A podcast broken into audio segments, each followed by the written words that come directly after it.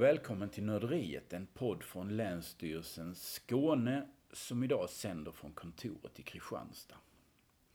Nörderiet ägnar sig åt sakkunskap, något vi på Länsstyrelsen gillar. Vi har väldigt många medarbetare som kan väldigt mycket.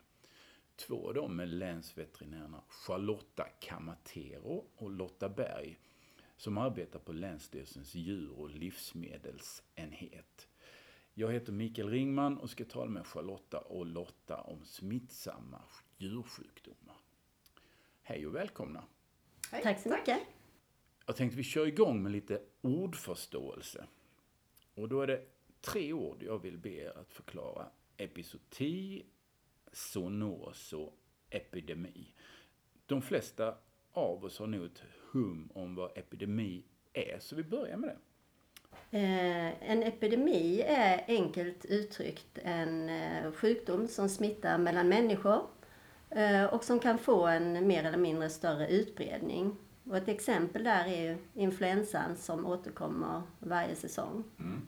Det var Charlottas röst ni fick höra där. Då kanske vi får höra Lottas nu när vi ska fråga om episoti. Ja, en episoti är en sjukdom som är allvarlig eh, som kan orsaka stort lidande och som är, smittar mellan djur men kan också smitta mellan djur och människor. Så det är inte strikt en djursjukdom men det, det är en sjukdom som kan smitta djur eh, och ibland djur och människor. Eh, och de kan ha stora påverkan på hela samhället. Så att just episodierna, de definieras av en lagstiftning vilka sjukdomar det är. Ja, Okej. Okay. Och hur många är de ungefär? Ja, 30-40 någonting. Ja. Och så har vi det tredje ordet som är zoonos med Z. Eh, en zoonos det är en sjukdom som smittar mellan djur och människor. Eh, och en del av zoonoserna är också episotier, som till exempel rabies. Okay. Eh, men sen har vi en del zoonoser som är mindre allvarliga, som till exempel ringorm som är en mindre komplicerad hud, hudsjukdom som kan smitta både djur och människor. Mm. Men hur kan, hur kan en sjukdom både vara en zoonos och en episoti? Ja, det är ju två olika begrepp så, ja. som eh, de vill inte beskriva olika sjukdomar utan det är ju egenskaper hos en sjukdom. Och kan den smitta mellan djur och människor så är den liksom en zoonos. Det är det, det ordet betyder. Mm. Eh, ordet episoti däremot är något vi har definierat. De här sjukdomarna eh, vill vi ha en egen lagstiftning om. De vill vi inte ha i landet. Och det är ju till exempel muloklövsjuka, svimpest, rabies, mjältbrand. De här. Och några av dem är ju sådana att de kan smitta både djur och människor. Till exempel rabies och mjältbrand. Så då har vi definierat dem som episotier för att vi inte vill ha dem. Men de är zoonoser. Mm. Det... det man kan säga är ju är det så att eh, någon av de här epizootisjukdomarna kommer in i vårt land, för de har vi normalt sett inte i vårt land. Kommer de in i landet, då är eh, det utrotning som gäller. Då bekämpar man dem tills man har utrotat dem från landet. Och det är det som den här speciella epizootilagstiftningen reglerar. Eh, hur den här bekämpningen ska gå till. Mm. Varför är det så viktigt med djurhälsa? Det är ju såklart både för djuren, men historiskt och i grunden så handlar det ju om eh, människors hälsa från början. Vad vi har hittat lite nu när vi har tittat här och förberett oss lite för det här eh, är ju att eh, redan på, på 1300-talet så kom vad vi kan hitta de första lagarna som styr det här. Och det handlar ju om djursjukdomar, men det är ju för människornas skull. Eh, och just då handlade det om rabies, eh, som är en djursjukdom som kan smitta människor. Eh, så vi hittade faktiskt en liten text där som vi har med oss, mm. om vi ska dra den. Ja. Ehm, då lyder den här, kanske första epizotillagstiftningen på det här sättet. Nu varder hund mans galen, då skall den lysa som honom äger, den galna hunden. Biter för en laglyst är folk eller fä, det ska bunden återgälda. Biter sedan laglyst är, det äger bunden ej återgälda. Mm. Och detta styr ju då att har man en hund som har drabbat av rabies, som det här med galen hund syftar på, så måste man anmäla det. Eh, detta var väl att man talade om det i kyrkan då kanske, men man måste tala om, eh, och den reglerar då även, lite intressant nog, ersättningsfrågor. Har man inte talat om det för alla sina eh, grannar så måste man ersätta för de djuren som blir bitna. Men har man talat om det, då är man inte längre ersättningsskyldig. Mm. Så det var en ganska progressiv lag sådär på 1300-talet, eller? Alltså, eh, man ska tala om det. Och ja, visst var det det. Ja. Men då såg man ju säkert också konsekvenserna för vad rabies faktiskt kunde orsaka. För det är en väldigt allvarlig sjukdom för människor. Det är ju, det är ju i princip eh, dödligt om man blir biten. Mm. Och på den tiden så mm. fanns det ju ingen möjlighet att rädda de som blev bitna av en rabiessmittad hund till exempel. Mm. Så historiskt så, så, tror vi att det är där det börjar. Att vi börjar reglera djursjukdomar för att förhindra att människor blir sjuka. Och så är det ju i en del sjukdomar fortfarande. Andra bekämpar man för att människorna inte ska drabbas av livsmedelsbrist eller för stora ekonomiska förluster. Så visst är det för djurens skull lite grann, men det är ju framförallt människorna mm. Eh, och djurägarna och samhället som är mm. de som man vill skydda. Mm. Precis. Så där kommer ju folkhälsan in mm. som en central del i detta. Både risken då att man kan bli smittad av de här zoonoserna eh, som människa. Men också att man kan bli, bli smittad vid, eh, när man äter livsmedel från smittade djur. Så det är både direktkontakt och om man äter livsmedel från smittade djur som är risken. Sen en annan väldigt aktuell bit i detta eh, med djurhälsa och folkhälsa handlar om antibiotikaresistens. Har vi en god djurhälsa och friska djur så innebär det också att vi inte behöver behandla dem med antibiotika i samma utsträckning. Och det motverkar resistens, eh, resistensutveckling. Och resistensutveckling, den går över gränserna, alltså miljö, Eh, djur och människa samspelar i detta. Så har vi problem med resistens bland våra djur så har vi också problem med resistens bland människorna. Mm.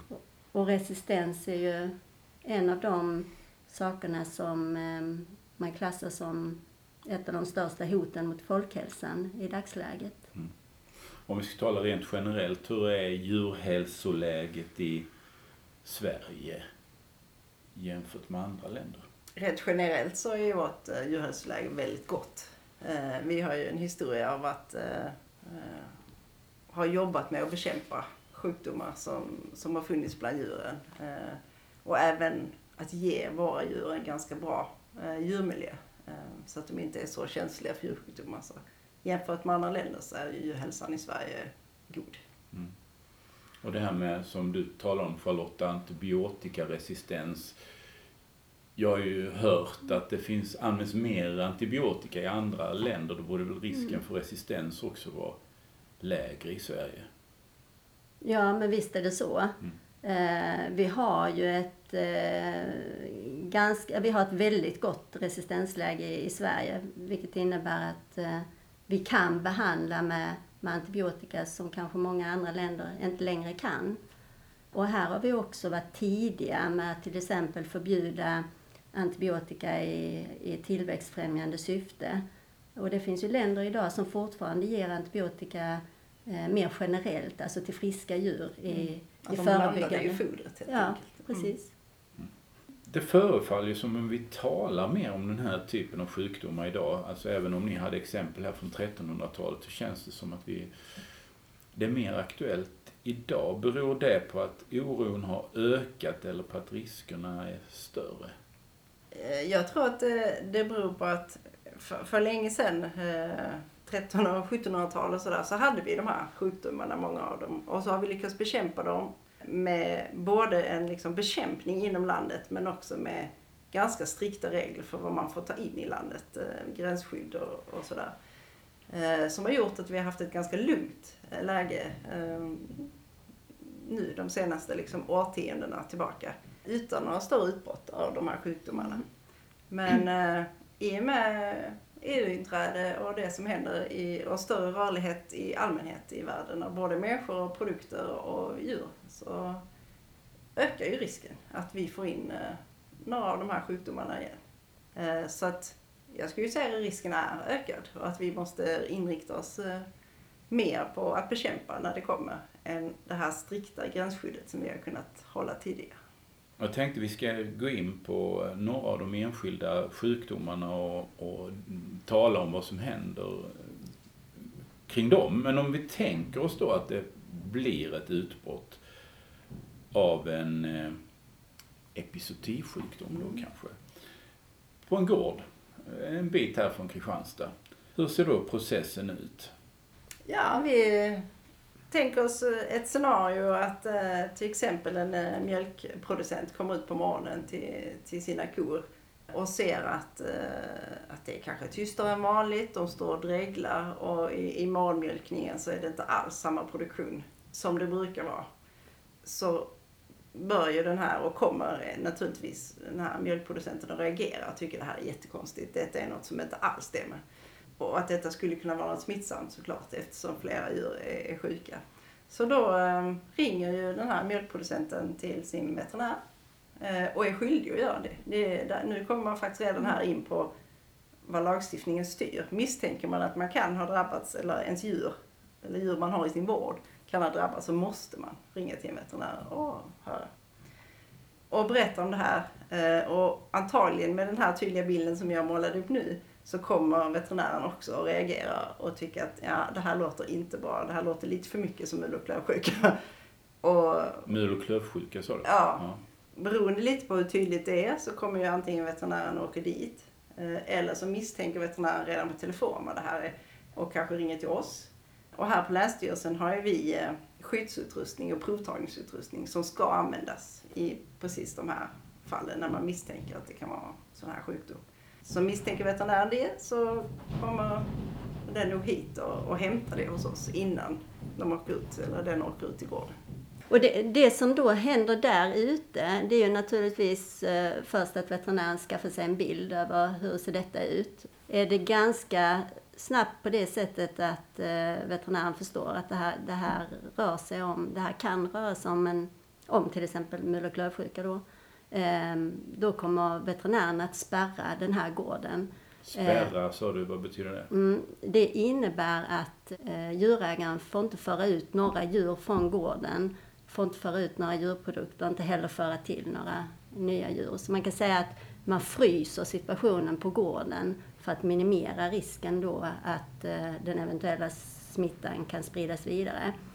Så att det är en väldigt viktig del i, i veterinärens roll utöver att veterinären då såklart måste undersöka djuren, ta, ta de här proverna som behövs för att utesluta eller verifiera eh, att det skulle kunna handla om en episotisk sjukdom. Och hur lång tid tar det innan man har ett, prov, eh, ett provsvar? Ja, de här eh, proverna går alltid, om det är en sån här misstanke om en episodi så skickar man dem med expressfrakt upp till ett laboratorium eh, på Statens veterinärmedicinska anstalt i Uppsala. Men de går dit så fort det går när de är smittsäkert packade och sådär. Och sen lite beroende på vad det är för sjukdom och vad det är för analys som ska köras så kan det variera. Men, men de snabbaste analyserna går ju ändå på en dag. Mm. Ungefär. Så att man, man kan ha ett provsvar en dag senare ungefär. Mm. Och vilka är då? Alltså då har vi ju 24 timmar här. Det, då kopplas olika myndigheter in, kommun, alltså vad, vad händer under den här tiden? Vilka är det som vet om och väntar på svar?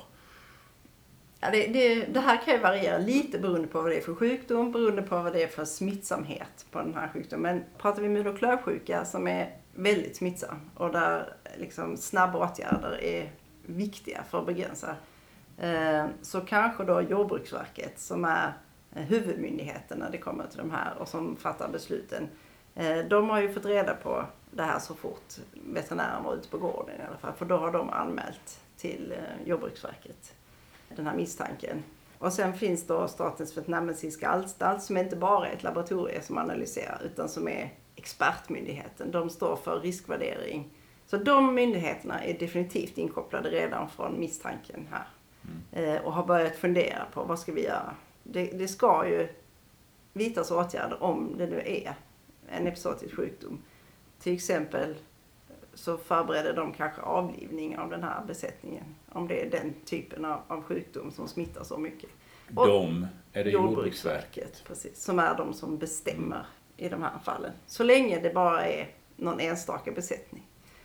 I ett senare skede, om det skulle sprida sig och det blir mycket, ett helt utbrott, då har inte Jordbruksverket möjlighet att ta alla de här besluten utan då delegerar de till Länsstyrelsen. I det läget kommer mm. vi eh, på Länsstyrelsen att bli de som beslutar om besättningar som ska spärras och, och avlivas och sådär kanske. Eh, men blir det att man hittar att det är en epizoti, eh, då blir det både åtgärder i den här besättningen, avlivning och sanering, och sen beslutar man kanske om skydds och restriktionsområden runt om. Så att det blir även restriktioner vad som gäller för djurhållare och transport och så runt omkring. Eftersom man vet ju inte när man ser den första besättningen, har detta redan spridit sig? Har, mm. har liksom detta kanske redan spridit sig med vinden eller har den här djurägaren sålt djur eller någonting?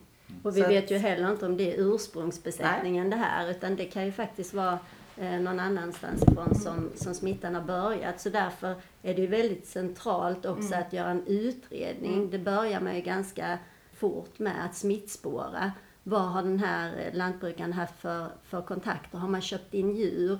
Eh, och så vidare för att kunna hitta var kan smittan ha kommit mm. in från. Så det kan man väl säga egentligen, den här eh, smittspårningen mm. tillsammans med eh, den här stand-still situationen på gården. Det är ju, det är ju bland de viktigaste mm. åtgärderna mm. som man, man gör i första läget då för att försöka begränsa smittan. Och eh, vi talar ju om olika myndigheter här. Hur, eh, hur samtalar ni med varandra då? Finns det liksom någon typ av konferens här där ni diskuterar läget? I vilket skede är det i så fall? Ganska snabbt eh, så sätter man igång med gemensamma möten. Att det är gemensamma telefonmöten eh, med inblandade myndigheter. Och, och ganska snabbt kommer också näringen med i detta. Mm. Alltså det vill säga lantbruks, eh, lantbrukets eh, egna organisationer. Så att det här nära samarbetet mellan myndigheter och näringen, det startar ganska mm. tidigt. Mm. och det har man ju faktiskt också sett att det är en av framgångsfaktorerna i, i Sveriges goda djurhälsoarbete, att man har haft ett så nära samarbete mellan stat och näring. Jag funderar, kan det vara någons fel att det sker ett utbrott? Finns det ett straffansvar? Ja, det finns eh, ett straffansvar om det är så att man skulle till exempel inte anmäla eh, om man misstänker att eh, det är en smittsam sjukdom som pågår i besättningen. Och det är ju fängelse i straffskalan. Men vad vi känner till så har vi ju aldrig varit med om att någon har blivit eh, dömd i Sverige för detta. Eh, men däremot finns det exempel från, eh, från Storbritannien. Eh, I början av eh, 2000-talet eh, hade man ett stort utbrott av mul och klövsjuka. Och då blev faktiskt en bonde dömd för att han utfodrade sina grisar med matavfall som man då tror har startat denna, denna smittan. Så han blev dömd både för att han inte hade anmält till myndigheterna att grisarna var sjuka och för att han hade utfodrat dem med matavfall som var otillräckligt tillagat helt enkelt och innehöll möd och klövsjukevirus. Mm. Mm. Och sen finns det naturligtvis andra eh, brott, smuggelbrott till exempel, som är ju straffansvar för. Eh, om vi pratar om eh, rabies till exempel, så ser vi kanske att den största risken att man får in det i Sverige är ju via hundar som helt enkelt smugglas in utan mm. att ha sina rabiesvaccinationer på plats. Vad kan man göra som djurägare för att förebygga utbrott då? Det man kan göra som djurägare det är ju att ha ett väldigt gott smittskyddstänk på gården. Eh, och med det menar vi att man, man funderar lite grann på hur man gör med inköp av djur. Och eh, till exempel om man köper in djur från väldigt många olika gårdar, då ökar man ju riskerna för att, eh, riskerna för att få in smittor på sin gård. Så att man ska vara medveten om vem man köper in djur ifrån. Eh, och man ska försöka minimera att man inte köper in djur från väldigt många olika besättningar. Sen är det också viktigt att man när man väl tar emot djur från andra besättningar, att man har någon form av isoleringsförfarande, att man inte sätter nya djur direkt in till de andra djuren. För då, på så sätt så hinner man ju fånga upp om det skulle vara någonting eh, med de här nya djuren som kommer. Eh, sen finns det ju många andra bitar som man kan göra som lantbrukare. Att man har ett eh, gott gnagarskydd. För vi ser ju också att... Ett gott eh, gnagarskydd? Gnagarskydd, ja precis. Det var en liten eh, så veterinärterm. Ja. Eh, jo, att man helt enkelt ser till att man inte har eh, råttor och möss eh, springande i stallarna. För de kan också sprida sjukdomar. Ja. Att man har eh, ännu en fackterm då, med god foderhygien. Att man inte, att man ger sina djur ett rent foder. Att eh, man inte får in jord eller, eller gödsel i, i det man utfodrar sina mm. djur med är också en viktig del för att inte sprida smittor.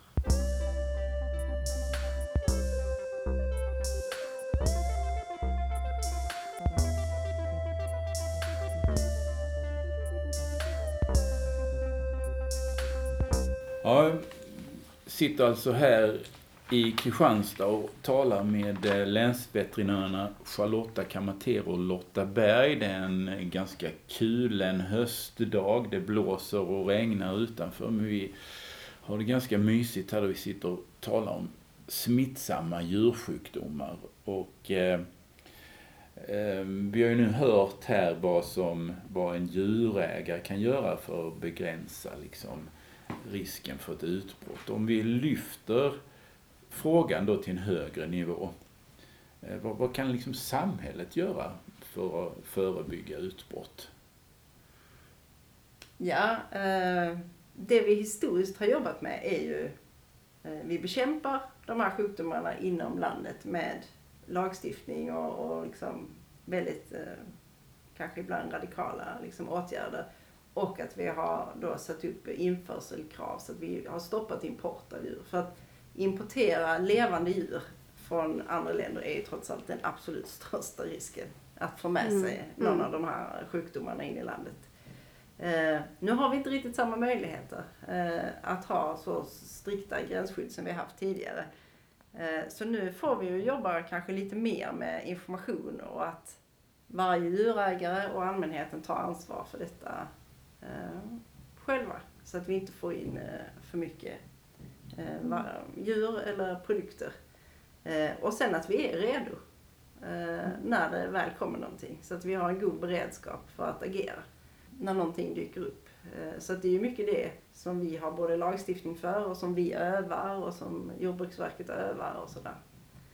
Och sen eh, likadant så har vi ju faktiskt en övervakning mm. eh, så att vi också kan fånga upp de här eh, smittorna snabbt om det är så att eh, de skulle komma in i landet. Till exempel på vilda djur. För det är ju inte alltid säkert att vi kanske upptäcker eh, smittor på vilda djur men då har vi eh, kontinuerligt viltövervakning. Att vilda djur skickas in helt enkelt och undersöks för olika typer av episodiska sjukdomar. Mm om jag är ute och går i skogen mm. och ser en, eh, något djur som beter sig märkligt, mm. vad gör jag då? Det kan ju vara en god idé att, mm. att börja och ringa till Länsstyrelsen mm. och till oss eh, länsveterinärer och diskutera detta. Eh, så man får beskriva vad är det man har sett. Ja.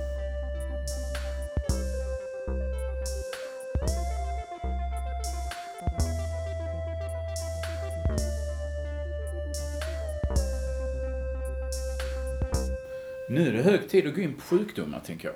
Och då eh, tänker jag att jag tar upp några namn på sjukdomar som jag eh, känner till. Och så får ni berätta om dem. Och då tänker jag börja med sådana som har ställt till med eh, stor skada historiskt, men där liksom samhället har lyckats eh, få bukt med dem. Tänkte, liksom, ni var ju lite inne på historia här, så tänkte jag vi börjar med pesten. Och då boskapspest i det här eh, sammanhanget. Mm. Jo, eh, boskapspesten den var ju ett problem i Europa på 1700-talet och eh, blev ju tyvärr även ett problem för Sverige eh, då det kom in i början av 1700-talet till Skåne faktiskt. Och där tror man ju att det var kohudar från Östeuropa som man fick in smittan med. Och det här blev ju lite grann kanske startskottet på Eh, vår lite mer modernare, om vi kan säga så, epizootilagstiftning. Här blev det då reglerat eh, just restriktioner kring införsel. Det blev också reglerat att man var tvungen att anmäla om man hade en misstänkt eh, smitta på sin gård, alltså just vad det gäller boskapspest. Så all den här lagstiftningen som kom till på grund av boskapspesten, den handlade ju bara om boskapspesten. Och det var ju för att när sjukdomen fick stor spridning och, och drabbade människor som inte hade råd att ha så många kor kanske, eh, och den var ju dödlig, så, så blev de utan sin mjölk och, och kanske utan mm. sitt kött. Och ett enormt ekonomiskt tapp. Det var ju för att rädda människor. Precis, och rädda livsmedelsförsörjningen. Mm, rädda livsmedel, ja, precis. precis. Ska, ska vi nämna någonting om, när vi nu pratar historia också, just om att boskapspesten mm. lite grann också blev startskottet för eh, veterinärväsendet. För på den här tiden mm. hade vi ju faktiskt inga, inga veterinärer. riktiga veterinärer i, i landet. Det var ju, det var ju präster som, som stod för mycket av eh, informationen och rådgivningen kring vad man ska göra med, med djur som har drabbats av boskapspest tillsammans med läkare, provinsialläkare som fanns då.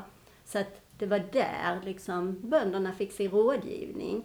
Men man såg väl eh, här ganska snabbt att man hade behovet av en annan typ av yrkesgrupp. Mm. Och eh, då skickade man ju några till Frankrike som fick gå på veterinärutbildning där. Och sen kom de tillbaka. Och eh, sen startade man så småningom veterinärutbildning även i Sverige. Det här la ju lite grann grunden till att man såg behovet av veterinärer. Ja, ja. Efter man har kämpat med den här sedan 1700-talet så är den ju faktiskt utplånad från hela jorden. Så nu tror vi inte att vi har boskapspest överhuvudtaget längre. Mm. Så att det kan gå till och med att utrota den från hela världen. Men det är ju väldigt ovanligt ja. kan man säga att eh, det, det, är väl egentligen det första veterinära smittämnet som man har mm. kunnat uh, utrota på det mm. sättet. Och då var liksom utbildningen en viktig fråga också, att faktiskt uh, utbilda och sprida kunskap mm, om hur man hanterar detta. Absolut. Men, men det här utrotningen, mm. Eh, den skedde väl egentligen först 2011 ja, som... det är nutid ju. Ja, det är nutid mm. som den här är utrotad. Så att den har ju fortsatt att vara ett bekymmer världen över. Mm. Eh, tills ganska långt in i modern tid. Så att eh, det var först 2011 man kunde deklarera att vi har utrotat boskapspesten från mm från jordens yta. Ja, Okej, okay. men så 300 år är en lagom kan vi räkna med. Att, eh, ja. Nu går vi vidare till ja. mjältbrand. Ja. Vad kan ni berätta om den? Uh, ja, det är en, eh, en, bakteriesjukdom som finns i hela världen. Den har ju en förmåga att överleva jättelänge. Speciellt om den ligger nere i jorden och, och kan bilda såna här små sporer heter den, när den liksom kapslar in sig och överlever väldigt länge. Så det, den är en helt annan typ av sjukdom. Vi har inte haft eh, så mycket utbrott i Sverige sen 40-50-talet när det var mm. ganska vanligt. Sen har det varit eh, ganska lugnt. Men sen på senaste tio åren så har det ändå kommit små utbrott i Sverige på olika ställen. Och då tror man ju eh, på något sätt ändå att detta kommer från de här sporerna, gamla mjältbandsbakterierna som ligger nere i jorden.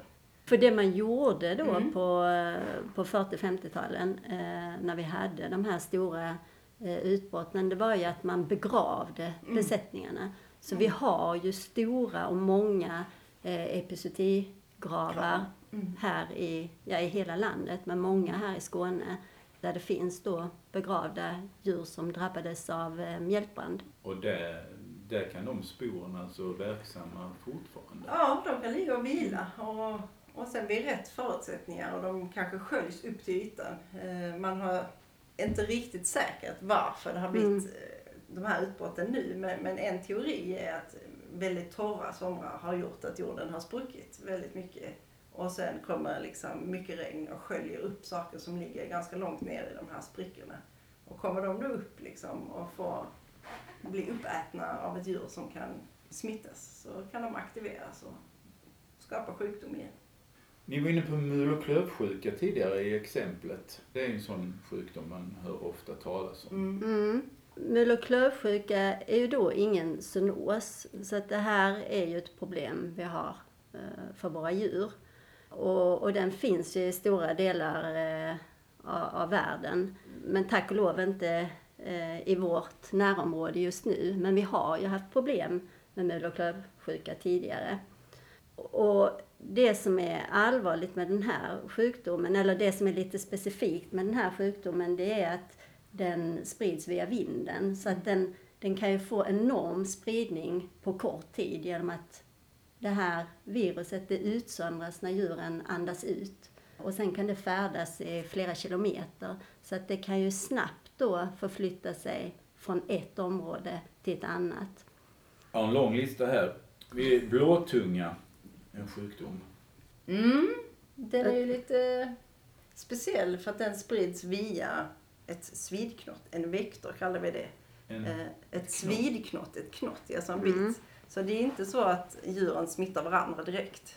Utan det är att den här lilla knottet biter eh, och suger blod. Eh, Och sen biter nästa djur. Eh, Så att det är en, en vi kallar det för en vektorburen smitta på alltså fackspråk. Som liksom. eh, malaria då. Alltså. Ja, ungefär. Och den är ju en sån här som, som vi faktiskt hade då i Sverige för inte så länge sedan. Eh, 2008 fick vi in det. Och man vågar väl inte säga säkert men det, men det är en sån här eh, sjukdom som vi pratar om att det kanske beror på klimatförändringar. För att de här knotten som då behövs, eh, svidknotten, kanske trivs bättre när det blir lite varmare och lite annat klimat. Så den typen av sjukdomar Mm. ingår ju i det vi är lite rädda för eh, i framtiden med tanke på klimatförändringar. Eh, Men vi fick in blåtunga eh, 2008 och det bekämpades ju då inte på det sättet som om det hade varit mul och klövsjuka med, med en enorm liksom, luftburen smitta. Utan i och med att det krävs den här lilla knottet emellan eh, Eh, så är det ju så den kan transporteras också, att de här knotten flyttar sig. Så där blev det i Sverige istället att vi valde en vaccinationsstrategi. Eh, djur fick inte flyttas inom landet utan de skulle hållas speciellt då i södra Sverige där vi hittade blåtungarna. Och sen vaccinerade man djuren runt det här. Och eh, Sverige är ju friförklarat igen. Eh, 2010 var det väl. Som vi, ja, som vi friförklarades igen för blåtunga. Så att det blev en lyckosam bekämpning. Nu tänkte jag gå vidare med några andra sjukdomar som jag tror är mer eh, vanliga. Salmonella. Ja, man kan ju säga att salmonella är ju, det är ju ingen vanligt förekommande sjukdom i Sverige. Vi har några fall varje år på våra livsmedelsproducerande djur. Men eh, vi, har, vi är ju en av de länderna i världen som har den bästa salmonella-statusen kan man säga. Och eh, det har ju egentligen sitt ursprung i en väldigt allvarlig epidemi på, på 50-talet i Sverige som kallas Alvesta-epidemin. Och där var det, det var många tusen som blev sjuka i detta och det var uppåt hundra personer som do- dog. Och detta satte så djupa avtryck i svenska samhället att man bestämde sig för att nej, detta ska aldrig mer få inträffa igen. Och då drog man igång kontrollprogram som då har lett fram till att vi idag har det här enormt fina salmonella-statuset som vi har faktiskt i Sverige. Det är väldigt få människor i Sverige som smittas av alltså svenska produkter eller svenska djur. Utan de salmonellafallen vi har i Sverige idag, där kan man härleda de allra flesta fallen till att de har ätit eh, importerade livsmedel eller att de har smittats i utlandet. Och sen när de kommer hem så diagnostiserar man dem då med salmonella som smittade i utlandet. Och så har vi då en pågående övervakning hela tiden. Precis. Eh, lite beroende på djurslag hur det här går till. Eh, bland eh, kycklingproduktionen så tar man prover eh, i varje inför slakt. Det, och andra typer av djur så är det lite mer eh, slumpmässig provtagning på slakterierna. Eh, så att de kontrollerar stickprov på, på de djuren som kommer dit. Så att eh, vi vet ju att vi har otroligt lite salmonella ute bland våra djur, livsmedelsproducerande djur. Mm. Eh, Och det är ju för att förhindra att de i sin tur ska smitta människor. De flesta salmonella bakterier blir ju inte djuren själva dåliga av. De flesta märks inte på djuren utan det är vid provtagning. Fågelinfluensa är Mm. någonting som har kommit på senare år, tror jag. Stämmer Ja. det? Mm. Ja, ja, ja, det vi kan säga är ju att, eh, precis som du säger, eh, har det påvisats först på senare år. Det var 2006 som man egentligen för första gången påvisade fågelinfluensa i, i Sverige. Och då, då handlar det egentligen om att man påvisar på, på vill, vilda fåglar.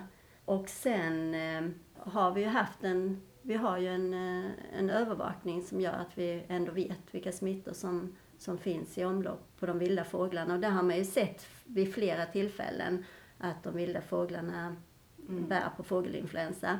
Och där har vi ju den problematiken att vi kan inte spärra av. Alltså vilda, vi, vilda fåglar de, de flyger ju Mm, över gränser och där de vill. Ja, precis.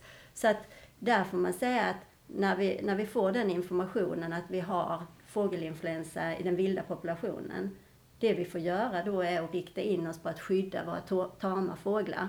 Så att man minskar risken för direktkontakt mellan de här till exempel. Att de får hålla sig inomhus till exempel. Ja, precis.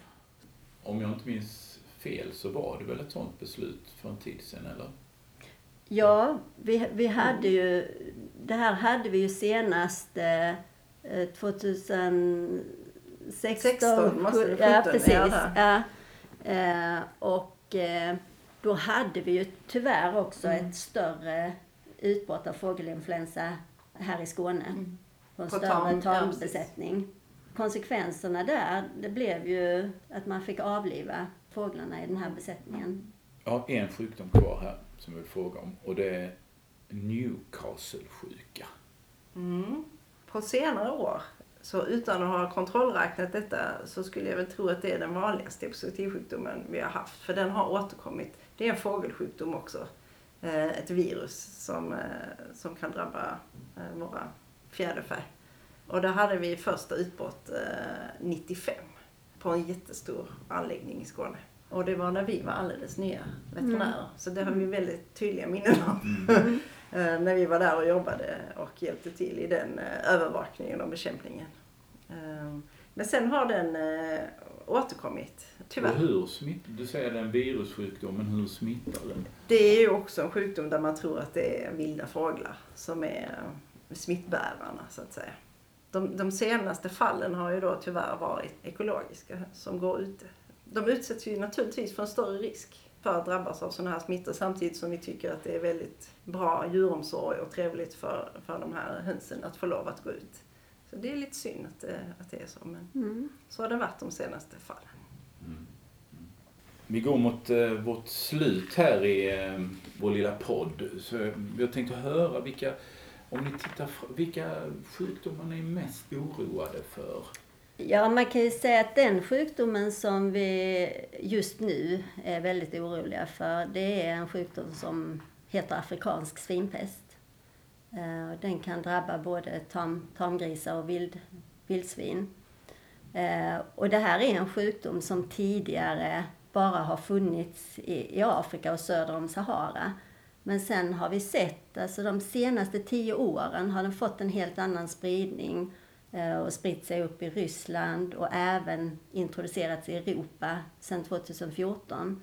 Och den kommer allt närmare eh, våra gränser. Så att här är vi ju i förberedelsefasen för att eh, ja, öka beredskapen om den här sjukdomen skulle komma in och också i fasen att, att det går ut mycket information om sjukdomen och vad man kan göra för att förebygga Och vad kan Mm. göra? Man kan göra många olika saker. Eh, Det som djurägare ska man då vara, vara vaksam på vilka besökare man har så att man inte har besökare som har till exempel varit i, i länder där de här sjukdomarna kommit. Där det nu finns ja, precis. mycket. Ja. Vi kan väl säga att de baltiska länderna eh, och i Polen är väl de som är närmast oss där, där det Mm. liksom finns i vildsvinspopulationen.